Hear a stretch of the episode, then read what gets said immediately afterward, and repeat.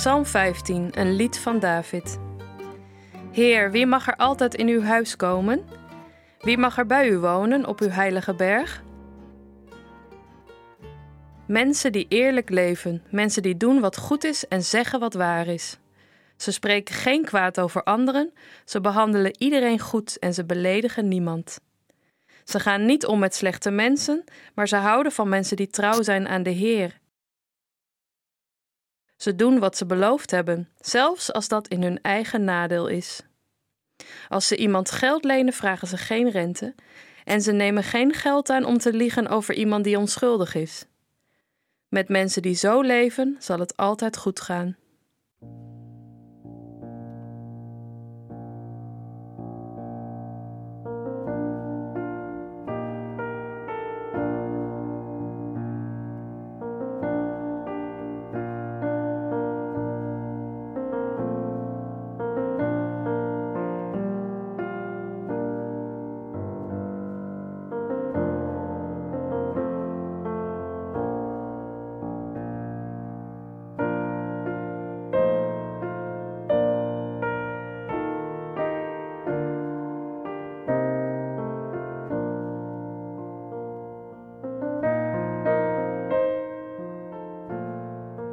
Psalm 14 ging over dwazen, over mensen zonder verstand.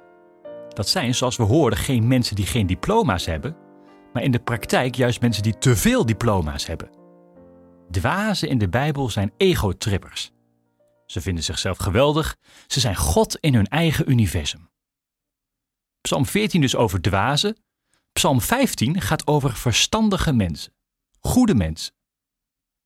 Dat is de crux van de psalmen. Ze zijn niet zomaar lukraak achter elkaar gezet. Nee, ze staan op volgorde. Er zit een lijn in. Het gaat ergens heen. Dat is even wennen, want wij zoeken psalmen vaak uit naar onze gemoedstoestand. Zijn we blij? Dan zoeken we een mooie halleluja-psalm. Zijn we sip? Dan zoeken we een klaagzang met heel veel waaroms en hoe lang nog. Maar de psalmen zijn net als het leven zelf.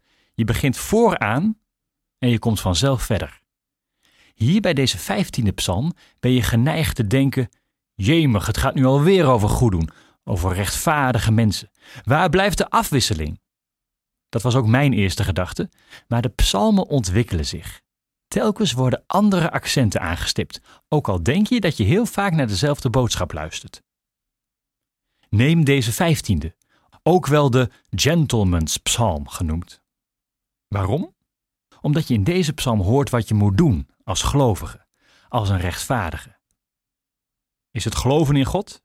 In de schepping? In de vergeving van je zonde? In de kerk? In de hemel en de hel? Nee, het is allemaal iets simpeler, iets pragmatischer. Doen wat goed is.